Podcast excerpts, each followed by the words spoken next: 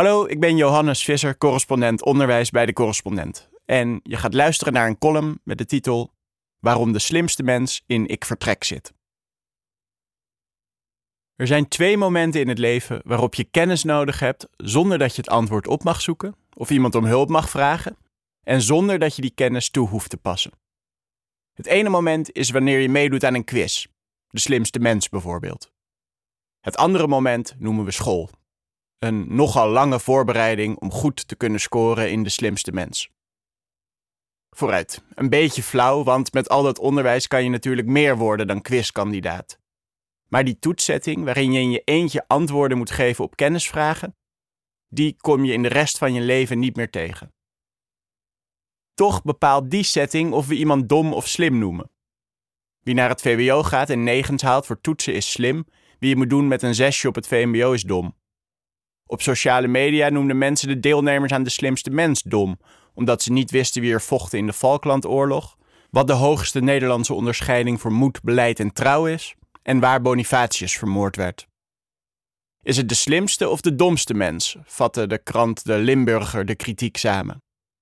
Slim tegenover dom. De afgelopen decennia is die tegenstelling het publieke debat gaan overheersen.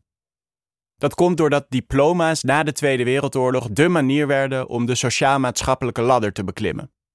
In al die schooljaren nestelt zich het idee in onze hersenen dat wie het goed doet op school slim is. En dat wie veel feitjes weet in een quizprogramma zich dus de slimste mens mag noemen. Maar wanneer ben je slim? In een ander tv-programma, Ik Vertrek, vertrokken klusjesman Steven en lerares Loes uit Roermond onlangs met twee kinderen in een camper naar Spanje om er iets te beginnen. Stevens motto: De mooiste dingen gebeuren als je geen plannen hebt. Na tien weken rondrijden vinden Steven en Loes een vervallen villa die al twee jaar leeg staat en die ze na vijf minuten kopen. Het zal nog een beetje een verrassing zijn wat we daar aantreffen eigenlijk, al dus Steven. Voor 40.000 euro denken ze het wel op te kunnen knappen. Dan weet je, die zitten over een half jaar weer in Roermond. Tenminste, wie vaker ik vertrek kijk, denkt dat te weten, want zo gaat het meestal. En ook nu zit er van alles tegen. Het leidingwerk van de vervallen villa blijkt een puinhoop. De vloer komt blank te staan, want de kozijnen zijn lek. De stroom valt continu uit. Een buitenmuur is om onduidelijke redenen omgevallen. En het zwembad is, in de woorden van Steven, naar de jalapenos. Oftewel, het is allemaal een beetje discutabel aangelegd. Maar er is één verschil met alle andere afleveringen van Ik Vertrek. Steven is klusjesman en één voor één fixt hij al die gebreken zelf. Nieuw zwembad, nieuwe boiler, nieuwe alles. En dat doet hij met een glimlach.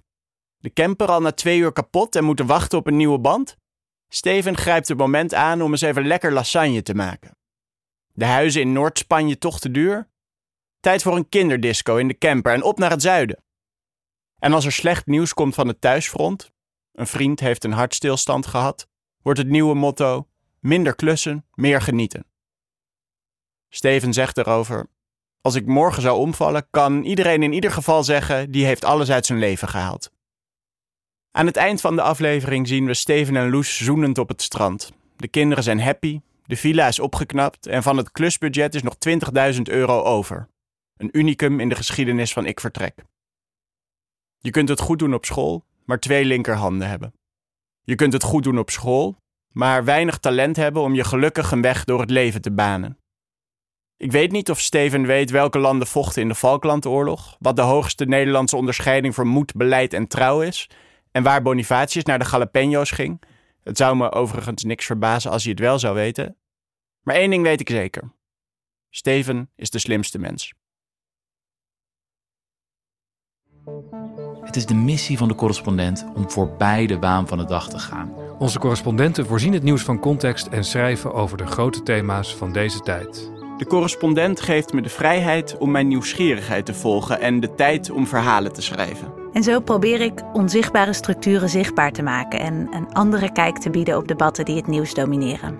Dan gaat het minder over het spelletje en veel meer over wat er op het spel staat.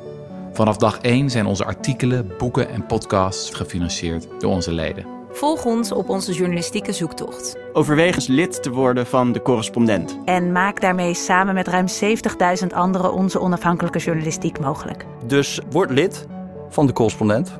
Ja, Word lid. Word lid.